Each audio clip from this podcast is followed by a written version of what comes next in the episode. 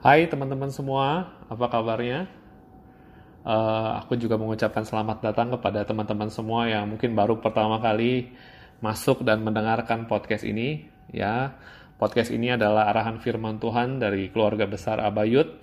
Dan di dalam podcast arahan Firman Tuhan ini kita terus mengarahkan kepada seluruh jemaat, kepada seluruh pekerja untuk terus mengejar pengenalan akan Bapa, pengenalan akan Allah. Dan bukan hanya itu, tetapi juga mampu melakukan misi atau pada kehendak Bapa. Ya, selamat datang buat teman-teman yang baru pertama kali mendengarkan. Semoga firman Tuhan ini memberkati teman-teman dan teman-teman yang terus setia mendengarkan podcast ini. Aku berdoa supaya teman-teman semua terus dibangun untuk semakin mengenal Bapa dan mampu kuat melakukan misi ataupun kehendak Bapa. Ya, teman-teman, nggak terasa ya kita udah hampir 4 bulan kita belum bisa berkumpul bersama-sama. Teman-teman aku percaya ini adalah masa pemurnian ya dan masa pembentukan setiap pribadi kita bersama dengan Tuhan. Jadi aku berdoa biar kita justru semakin murni ya, semakin dibentuk oleh Tuhan dengan semua hal yang baik ya. Bukan malah kita justru semakin terpuruk ataupun kita jauh daripada Tuhan. Sehingga ketika kita semakin murni dan kita semakin dibentuk hidupnya ya dengan semua hal yang baik dari Tuhan Ya, dari hari ke hari Tuhan semakin disenangkan oleh kehidupan kita. Ya, ingat teman-teman, Bapa itu dimuliakan ketika hidup kita berbuat tetap. Bukan hanya sewaktu kita pelayanan, bukan hanya sewaktu kita praise and worship, kita katakan kita memuliakan dia, kita memuji dia, Bapa dimuliakan. Bukan hanya itu. Tapi firman Tuhan berkata Bapa dimuliakan ketika hidup kita berbuah. Jadi mari teman-teman kita terus berbuah tetap di dalam Tuhan Ya bahkan di masa-masa yang kering kita terus dapat berbuah tetap sebagaimana firman Tuhan katakan. Ketika kita melekat kepada Tuhan, ya bahkan musim kering sekalipun kita akan terus tetap berbuah. Ya, teman-teman, mari kita harus semakin mengejar bagaimana hidup ya, hidup yang seharusnya, hidup yang berkenan di hadapan Tuhan. Ya, bagaimana kita sebagai anak-anak Tuhan semakin baik, semakin mengenal apa yang berkenan, mengenal apa yang sempurna. Ya, sehingga kita juga semakin dapat hidup sesuai dengan kehendak dan rencana Allah dalam hidup kita. Nah, teman-teman, judul khotbah hari ini, hari ini adalah hidup dalam pembaruan pikiran. Ya, hidup dalam pembaruan pikiran. Mari kita berdoa sebelum kita mendengarkan firman ini. Bapak terima kasih buat hari-hari yang Tuhan berikan Terima kasih buat segala yang baik yang Tuhan berikan dalam kehidupan kami. Kepada kami selalu diperhadapkan berbagai pilihan dalam hidup ini, tetapi Engkau Allah yang selalu menuntun kami kepada jalan kehidupan dan kemenangan, supaya kami dapat menikmati hari-hari yang baik di depan, dan supaya kami dapat terus melihat bahwa hanya Engkau satu-satunya Allah yang benar, dan Engkau adalah satu-satunya Allah yang baik dalam hidup kami. Bapak kami berdoa biar dari waktu ke waktu kami semakin mengerti bagaimana seharusnya kami hidup di hadapan-Mu. Supaya kami mengerti apa yang baik, apa yang berkenan, apa yang sempurna.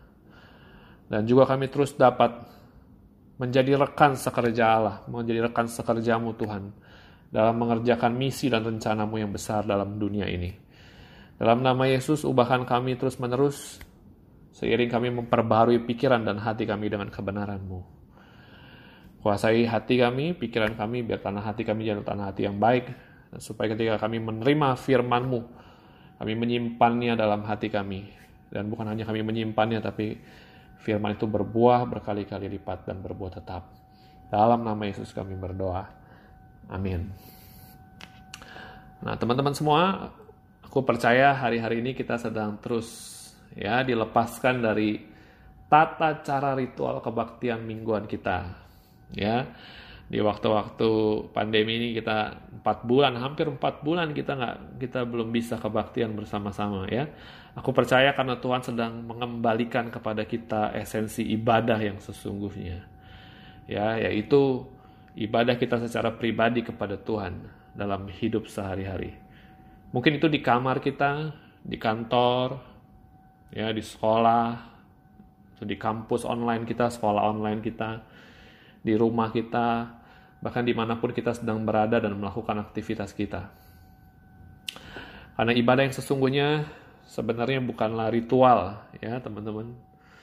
Teman-teman jangan menanti-nanti ritual kebaktian lagi, ya karena pada dasarnya kebaktian besar bukanlah ibadah yang sesungguhnya. Ya. Kebaktian yang sesungguhnya bukanlah dalam ibadah mingguan, tapi dalam hidup kita sehari-hari ketika kita tinggal di dalam hadirat Tuhan. Dan teman-teman, pelayanan kita yang sesungguhnya bukanlah pelayanan dalam kegiatan agamawi kita dalam kebaktian ataupun dalam pertemuan-pertemuan ibadah lainnya. Jangan berpikir ketika kita melayani jadi asyar, welcomer, multimedia atau apa pun gitu ya, kita uh, apa pun dalam pertemuan gereja lainnya kita berpikir kita sedang melayani. Itu sebagian kecil dari pelayanan.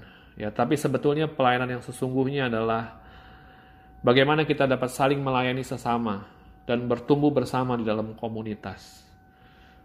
Makanya teman-teman di masa ini jangan ada yang melewatkan komsel, jangan ada yang melewatkan kompak, jangan ada yang melewatkan pemuritanmu meskipun online ya, meskipun nggak terbiasa, sinyalnya putus-putus, apa pun alasannya, jangan tinggalkan itu semua. Karena hari ini tinggal hal-hal itu yang tersisa sebagai gereja yang sesungguhnya. Ya, komsel kita, kompak kita, pemuritan kita, hari ini itu yang tersisa di masa ini. Karena memang itu yang esensi, itu yang Eh, dasar, itu yang substansi bagi pertumbuhan kita. Jadi jangan menanti-nanti kebaktian besar lagi, teman-teman. Ya, karena itu bukan hal yang paling esensi. Ya, nggak salah kita menanti menantikan kebaktian, nggak salah. Tapi sebetulnya bukan itu gereja yang sesungguhnya. Itu bukan kehidupan bergereja dan ibadah yang Tuhan inginkan. Yang Tuhan inginkan adalah kita memiliki ibadah pribadi bersama dengan Tuhan dan hidup saling melayani dalam komunitas. Makanya hari-hari ini justru mari pakai kesempatan yang ada buat semakin dekat sama komunitas dan terus bertumbuh. Ya, jangan malah menjauh dan mengisolasi diri. Ya, teman-teman ingat, tidak ada orang yang dapat bertumbuh di tempat isolasi. Orang yang independen dan sendirian adalah mangsa terbaik si iblis untuk menerkam dan menghancurkan kita. Ingat teman-teman, firman Tuhan berkata iblis sedang mencari mangsa berkeliling. Ya, dia mengaum-ngaum mencari mangsa. Dan orang yang sendirilah adalah orang yang akan cepat mati di telan singa. Ya, jadi siapa pun kau yang mendengarkan firman hari ini dan kalau engkau sedang berada dalam uh, independenmu ya, engkau malas bergabung dengan cell group, engkau malas bergabung dengan kompak, engkau malas bergabung dengan pemuritan dengan baik-baik ketika engkau sendiri. Engkau sedang jadi mangsa ya, jadi sasaran si jahat yang paling mudah ya karena iblis akan mencari orang-orang yang sendirian. Makanya teman-teman mari keluar dari kenyamananmu, mari masuk ke gereja yang sesungguhnya dalam komunitas. Ya, di masa pandemi ini teman-teman nggak perlu ongkos buat ke komsel, ya, ah, nggak perlu jalan kaki, nggak perlu uh, ya pakai transport apa pun. Jadi nggak ada alasannya ya, cuma tinggal perlu klik link yang diberikan, masuk ke Komsel dan buka hati, buka suara. Ya gampang ya kalau mau niat ya teman-teman. Aku dorong teman-teman semua yang hari ini mungkin kau dalam isolasi yang sendiri, yang kau lagi nggak mau banyak bergabung dalam sel group atau pemuritan. Mari keluar daripada uh, tempat tempat persembunyianmu ya. Masuklah ke dalam gereja yang sesungguhnya, karena gereja yang sesungguhnya bukanlah sebuah kebaktian, bukanlah sebuah building. Gereja yang sesungguhnya adalah komunitas ya karena Tuhan berkata dia ada di tengah-tengah kita. Ya teman-teman. Nah hari ini kita akan terus belajar tentang ibadah yang sejati. Ya ibadah yang sejati. Mari kita lihat di dalam Roma pasal yang ke-12 ayat 1 sampai 2 Roma pasal yang ke-12 ayat 1 sampai 2 judulnya persembahan yang benar. Ya persembahan yang benar. Mari kita baca terlebih dahulu Demikian firman Tuhan, karena itu saudara-saudara demi kemurahan Allah, aku menasihatkan kamu supaya kamu mempersembahkan tubuhmu sebagai persembahan yang hidup, yang kudus dan yang berkenan kepada Allah. Itu adalah ibadahmu yang sejati. Janganlah kamu menjadi serupa dengan dunia ini, tapi berubahlah oleh pembaharuan budimu, sehingga kamu dapat membedakan manakah kehendak Allah, apa yang baik, yang berkenan kepada Allah, dan yang sempurna. Ya, teman-teman, ibadah yang sejati bukanlah sebuah ritual keagamaan yang sering kali kita ikuti. Ya, bukan, itu bukan ibadah yang sejati. Ya, dan persembahan yang benar bukanlah sewaktu kita membawa sesuatu pada Tuhan Ya, bukan persembahan yang benar bukanlah sewaktu kita memberikan sedikit daripada milik kita kepada Tuhan, bukan. Ya, persembahan yang benar itu dan ibadah yang sejati itu adalah sebuah penyerahan diri kita total. Termasuk tubuh, jiwa dan roh kita untuk dipimpin oleh Allah. Ya, makanya teman-teman mari perhatikan firman ini baik-baik ya. Jangan ber, kita berpikir kita sudah beribadah tapi ternyata kita belum beribadah yang sesungguhnya. Sehingga kita nggak nggak salah kita berpikir kita sudah memberikan persembahan kepada Tuhan, tapi sebetulnya kita tidak memberikan persembahan yang benar. Ya, karena ibadah yang sejati bukanlah sebuah ritual keagamaan. Dan persembahan yang benar bukanlah waktu kita menyisihkan sedikit daripada harta, bukanlah waktu kita menyisihkan sedikit daripada apa yang kita miliki. Tapi persembahan yang benar dan ibadah yang sejati, suatu kita menyerahkan diri kita ya total termasuk tubuh, jiwa, dan roh kita untuk dipimpin oleh Allah. Ya, teman-teman, bagaimana setiap hari kita hidup di hadapan Allah senantiasa. Bagaimana setiap hari kita menyadari bahwa kita sedang ada di hadirat Allah. Sehingga kita semakin memiliki kesadaran akan hadirat Allah setiap saat. Sehingga kita nggak berani buat dosa. Inilah ibadah yang sesungguhnya yang berkenan di hadapan Allah. Teman-teman, kenapa banyak orang nggak takut buat dosa? Ya, karena dia nggak punya kesadaran akan hadirat Allah. Jadi dia hidup seenaknya. Kalau kita hidup seenaknya, gimana kita mau berkenan di hadapan Tuhan? Ya. Oleh sebab itu, teman-teman penting untuk belajar menyadari hadirat Allah kapan saja. Ya, di mana pun. Waktu lagi kerja kita sadar akan hadirat Allah. Ya, waktu kita lagi uh, melakukan segala sesuatu ya waktu kita lagi kerja contohnya kita sadar kita ada di hadapan Allah. Jadi kita nggak berani untuk ngata-ngatain bos kita ya. Kalau kita kerja kita sadar kita di hadirat Allah kita nggak akan berani ya colong-colong waktu curi-curi waktu. Ya waktu kita lagi sekolah online atau kampus online kalau kita sadar kita di hadirat Allah kita nggak akan berani nyontek pas ulangan. Ya, makanya banyak yang anak-anak pelajar, mahasiswa pada jatuh dosa nyontek lagi ulangan online, mumpung nggak ada yang lihat. Kenapa gitu? Dia nggak takut sama Tuhan. Padahal Tuhan itu hadir. Dan kalau kita hidup di hadirat Allah, kita harus jadi takut. Ya, takut lakukan dosa. Ya, waktu kita contohnya lagi di kamar. Kalau kita sadar kita ada di hadirat Allah, jadi kita nggak akan berani buka yang porno, buka yang najis. Ya, waktu kita lagi lakukan segala sesuatu, kita sadar kita lagi di hadapan Allah. Ya, jadi kita akan semakin takut dan hormat untuk menjaga diri kita tetap berkenan di hadapan Allah. Teman-teman, itulah koram deo. Ya.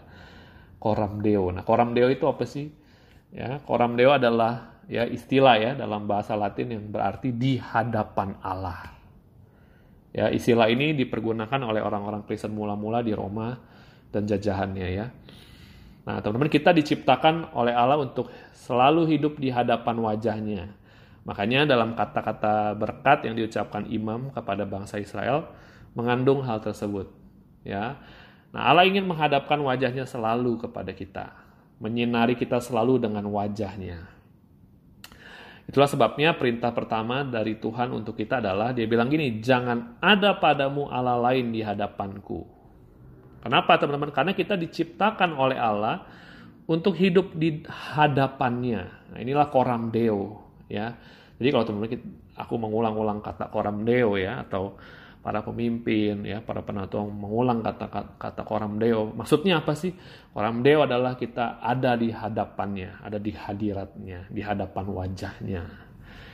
Ya, teman-teman kita diciptakan untuk kita hidup di hadapannya, di hadiratnya ya kita diciptakan untuk menyembah terus menyembah Tuhan terus menerus 24 jam setiap hari Ya, makanya waktu kita lagi melakukan segala sesuatu, sebetulnya kita lagi menyembah Tuhan. Kalau kita sadar kita sedang hidup di hadiratnya. Ya. Nah, teman-teman, kalau kita hidup di hadirat Allah, ya, Tuhan sendiri yang akan memimpin kita. Ya, apabila kita hidup di hadirat Allah, Tuhan mau kita dipimpin oleh dirinya sebagai Tuhan dan Raja yang menguasai seluruh kehidupan kita. Karena kalau kita nggak dipimpin oleh Tuhan, kita tidak sedang hidup dalam hadirat Allah. Ya, namun sering kali kita tidak hidup dalam hadirat Allah dan kita tidak dipimpin oleh Allah. Ya, sering kali kita sehari-hari dipimpin oleh kedagingan kita. Ya, kita dipimpin oleh kenajisan, oleh hawa nafsu, oleh keserakahan, oleh kepahitan, oleh iri, benci, ya, kehampaan, kekosongan, ya, apa yang lagi pimpin kita? Apa yang lagi hari ini uh, mengendalikan kita? Hadirat Allah atau kedagingan kita? Ya, teman-teman. Tapi kedagingan bukan hanya bicara dosa-dosa itu doang. Ya, lagi itu aku pernah khotbah ya, pernah sampaikan ini. Kedagingan bukan hanya hal-hal yang tadi aku sebutkan. Tapi kedagingan juga waktu kita dipimpin dan dikuasai oleh apa yang kita lihat, apa yang kita dengar, dan apa yang kita rasakan oleh kenyataan yang kelihatan mata. Nah, itulah kedagingan juga. Ya. Teman-teman sering kali kita dikuasai oleh apa yang kelihatan dan kenyataan yang kita miliki. Mungkin kita sering dikuasai karena melihat keadaan yang real, yang tidak sesuai dengan apa yang kita harapkan, atau keadaan yang nggak ideal gitu ya. Atau kita mungkin sering kali dikuasai oleh perasaan takut, baper gitu ya, males, khawatir, dan rasa-rasa lain atau yang kita sering uh, dikuasai oleh pikiran atau logika kita.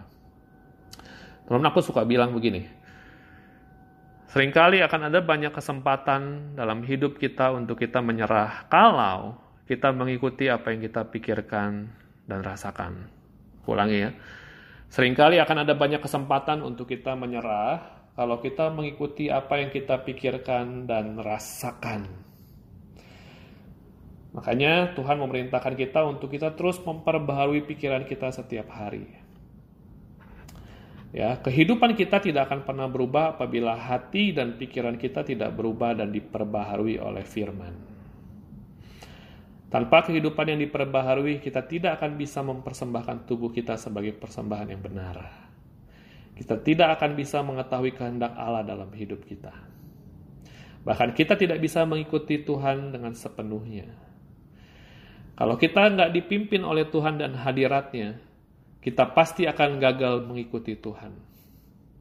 Ya, teman-teman, kalau kita gagal melihat Tuhan dalam segala hal dan segala perkara, kita pasti akan gagal mengikuti Dia. Aku ulangi ya, kalau kita gagal melihat Tuhan dalam segala hal dan segala perkara, kita pasti akan gagal mengikuti Dia. Ya, teman-teman. Nah hari ini kita akan belajar dari sebuah kejadian bangsa Israel. Ya, ketika mereka sedang berjalan menuju tanah perjanjian. Nah, mari hari ini kita belajar dari bilangan pasal yang ke-13 ayat 1 sampai ke-33. Bilangan 13 ayat 1 sampai 33. Nah, teman-teman dari kisah ini kita akan melihat bahwa cara pandang kita akan situasi dan kondisi, cara pandang kita akan kehidupan dapat mempengaruhi perjalanan iman kita dalam mengikuti Tuhan. Ya. Di dalam kisah ini ada 12 pengintai melihat tempat yang sama tapi mereka memiliki dua respon yang berbeda. Nah, mari kita baca bersama-sama dalam Bilangan 13 ayat 1 sampai 33. Judulnya adalah kedua belas pengintai. Ayat yang pertama, Tuhan berfirman kepada Musa, "Suruhlah beberapa orang mengintai tanah Kanaan." Ya, kita tahu bangsa Israel di bawah Tuhan dari perbudakan Mesir kepada uh, menuju kepada tanah Kanaan, tanah yang berlimpah susu dan madu, ya, tanah perjanjian. Ya, dan satu ketika Tuhan berfirman kepada Musa, suruhlah beberapa orang mengintai tanah Kanaan yang akan kuberikan kepada orang Israel. Dari setiap suku nenek moyang mereka haruslah kau suruh seorang. Semuanya pemimpin-pemimpin di antara mereka. Wah, teman-teman yang diutus para pemimpin loh. Ya, kalau engkau hari ini para pemimpin, kau pemimpin komunitas sel, kau fasilitator sel, kau pemimpin pelayanan, ya, kau pemimpin sejumlah orang, kau pemurid, kau pembina. Dengar baik-baik ya, firman ini. Ya, yang diutus adalah pemimpin-pemimpin. Ya, lalu Tuhan lalu Musa menyuruh mereka dari padang gurun paran sesuai dengan titah Tuhan. Semua orang itu adalah kepala-kepala di antara orang Israel.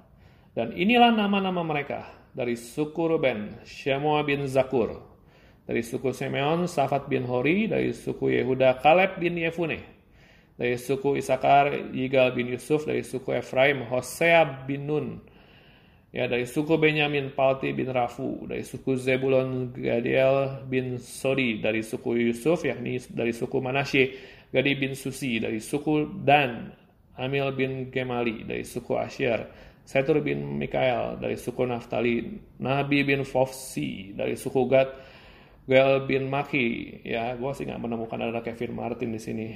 Uh, dan gue juga nggak kenal orang-orang ini dan gue percaya waktu teman-teman dengar uh, sedikit pusing dan mungkin nggak kenal ya. Ya udah nggak apa-apa. Ya gue juga nggak kenal mereka ya.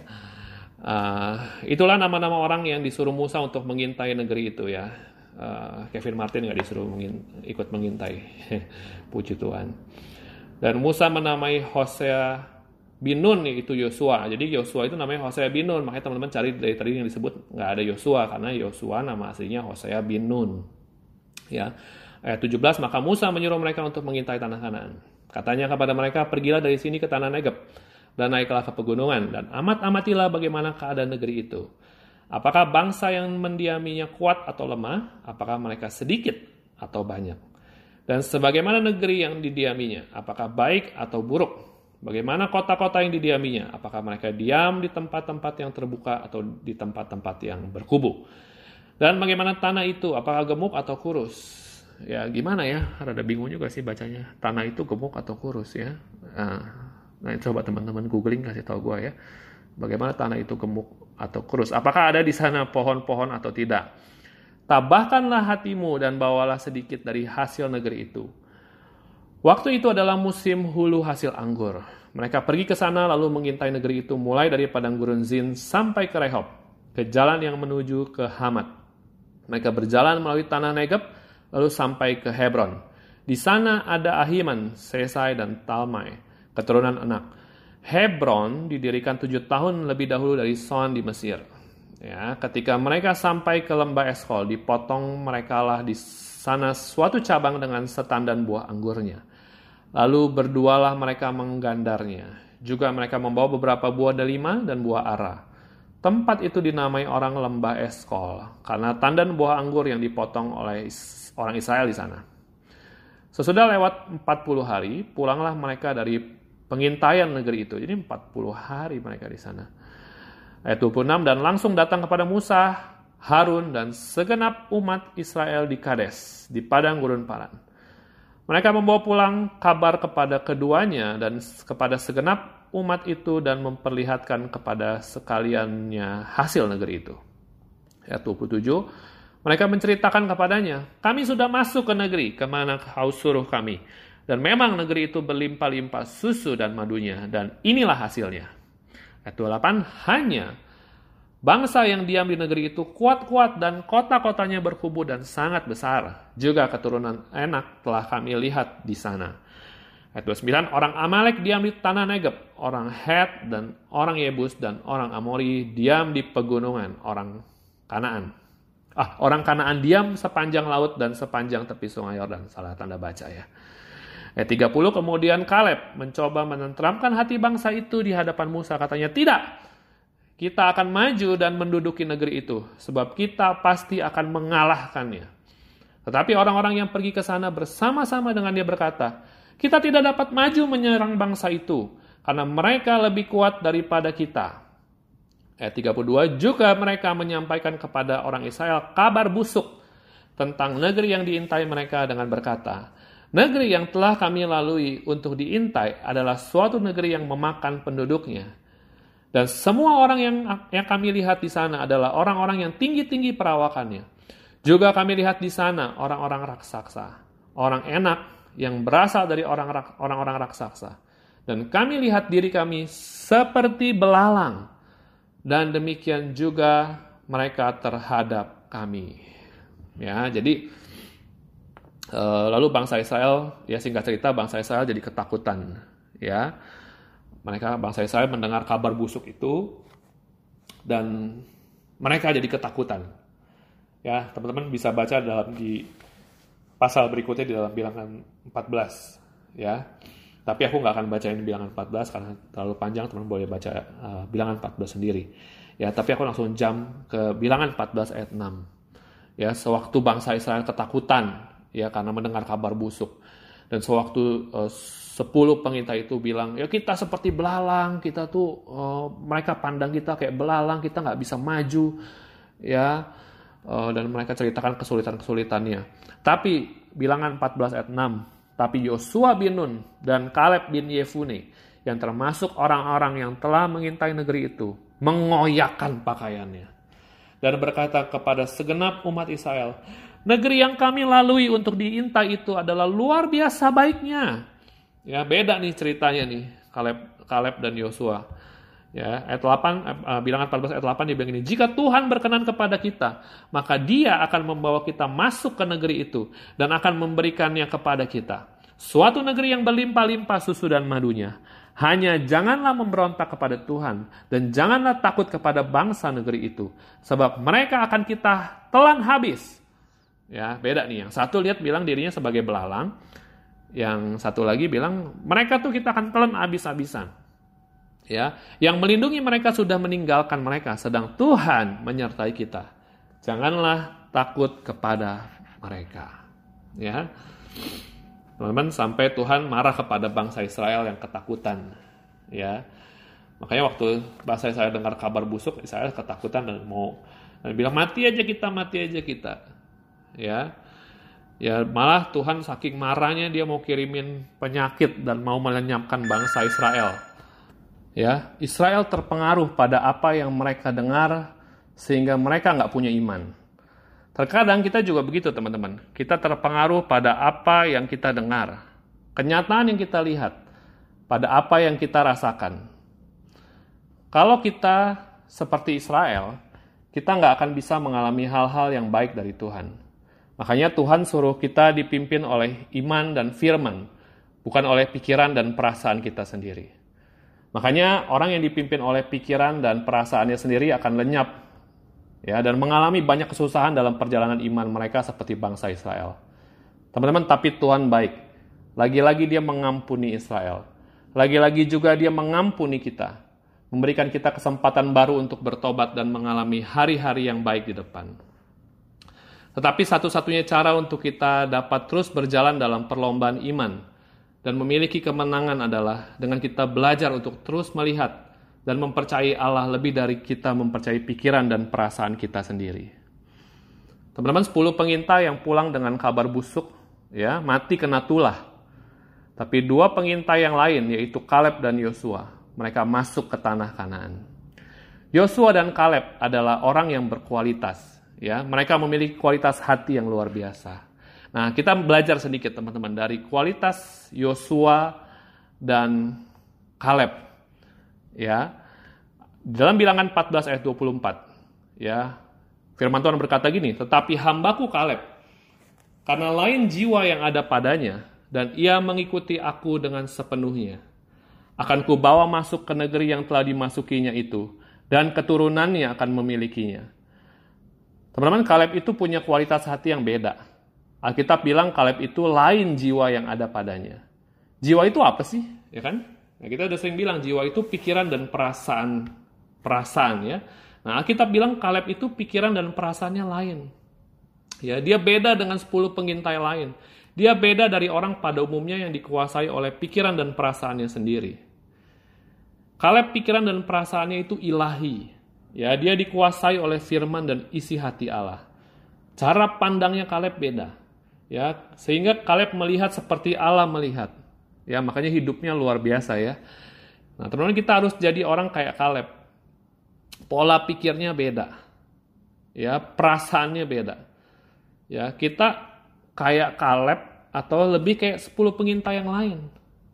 Ya kalau kayak 10 pengintai lain ya mati kita pasti dalam perjalanan iman ya teman-teman ayo gue dorong kita semua ya Kita jadi anak-anak Tuhan yang beda. Ya, dimulai dari cara pikir dan perasaan kita beda. Karena kita terus diperbarui oleh firman Allah. Nah, itu Kaleb. Nah, Yosua kita lihat. Nah, Yosua juga punya kualitas hati yang beda. Ya, di bilangan 27 ayat 18. Firman Tuhan berkata begini, Lalu Tuhan berfirman kepada Musa, Ambillah Yosua bin Nun, seorang yang penuh roh, letakkanlah tanganmu atasnya. Ya, ulangi ya, lalu Tuhan berfirman kepada Musa, ambillah Yosua bin Nun, seorang yang penuh roh, letakkanlah tanganmu atasnya. Jadi kualitas kalau Yosua, kualitasnya dia seorang yang penuh roh. Ya. Teman-teman Yosua itu memang perpaduan yang baik dengan Kaleb. Kalau Kaleb lain jiwanya. Ya. Kalau Yosua dia penuh dengan roh. Makanya dua orang ini kerjasama nyambung ya, match ya. Makanya teman-teman kalau kompak dua-duanya harus kayak Kaleb dan Yosua, ya maka terobosan besar terjadi, maka growing pasti. Ya kalau yang satu penuh dengan roh, yang satu jiwanya beda ya, pikiran perasaannya beda. Ya jangan kompak main game, ya ampun. Jangan kompak ngejulit, kompak gosip, ya. Apalagi yang perpaduannya pas, yang satu suka asumsi, yang satu suka gosip, ya pas banget tuh. Kompaknya pasti error-error sama-sama ya. Ya kompak error ya yang satu suka gosip, yang satu suka julid, yang satu suka asumsi. Nah, pas tuh perpaduannya. Ya. Tapi teman-teman kita nggak mau kayak gitu ya. Kalau kita kompak, mari kita kompak yang benar, yang saling bangun. Nah, kita kembali ke Yosua. Yosua penuh dengan roh, teman-teman. Ya, penuh dengan roh itu dimulai dari penuh dengan firman.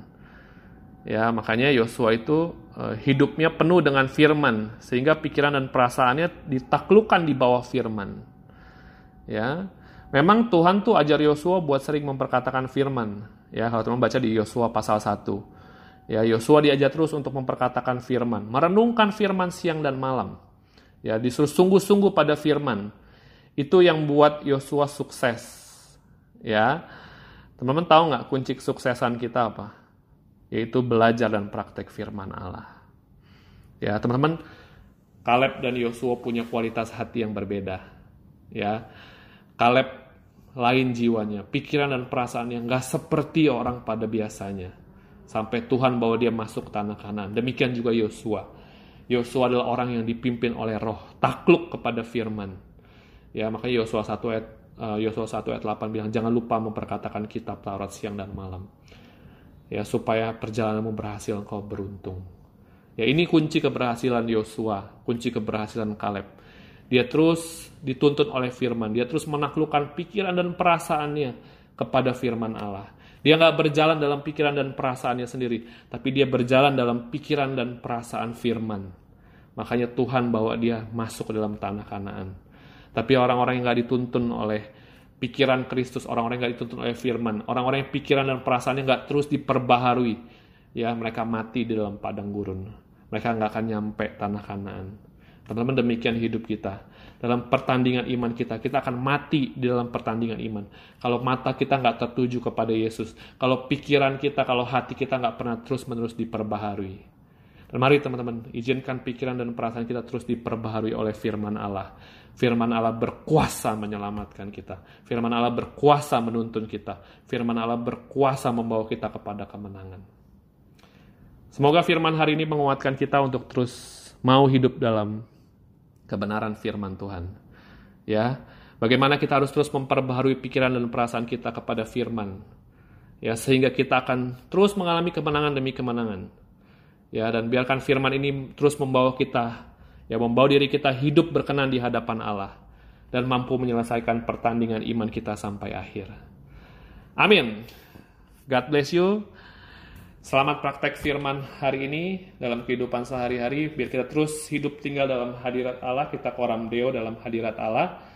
Ya, biarkan kita terus dituntun oleh firman-Nya, pikiran dan perasaan kita diperbaharui, pikiran dan perasaan kita ditaklukkan oleh firman Allah. Terima kasih teman-teman. God bless you.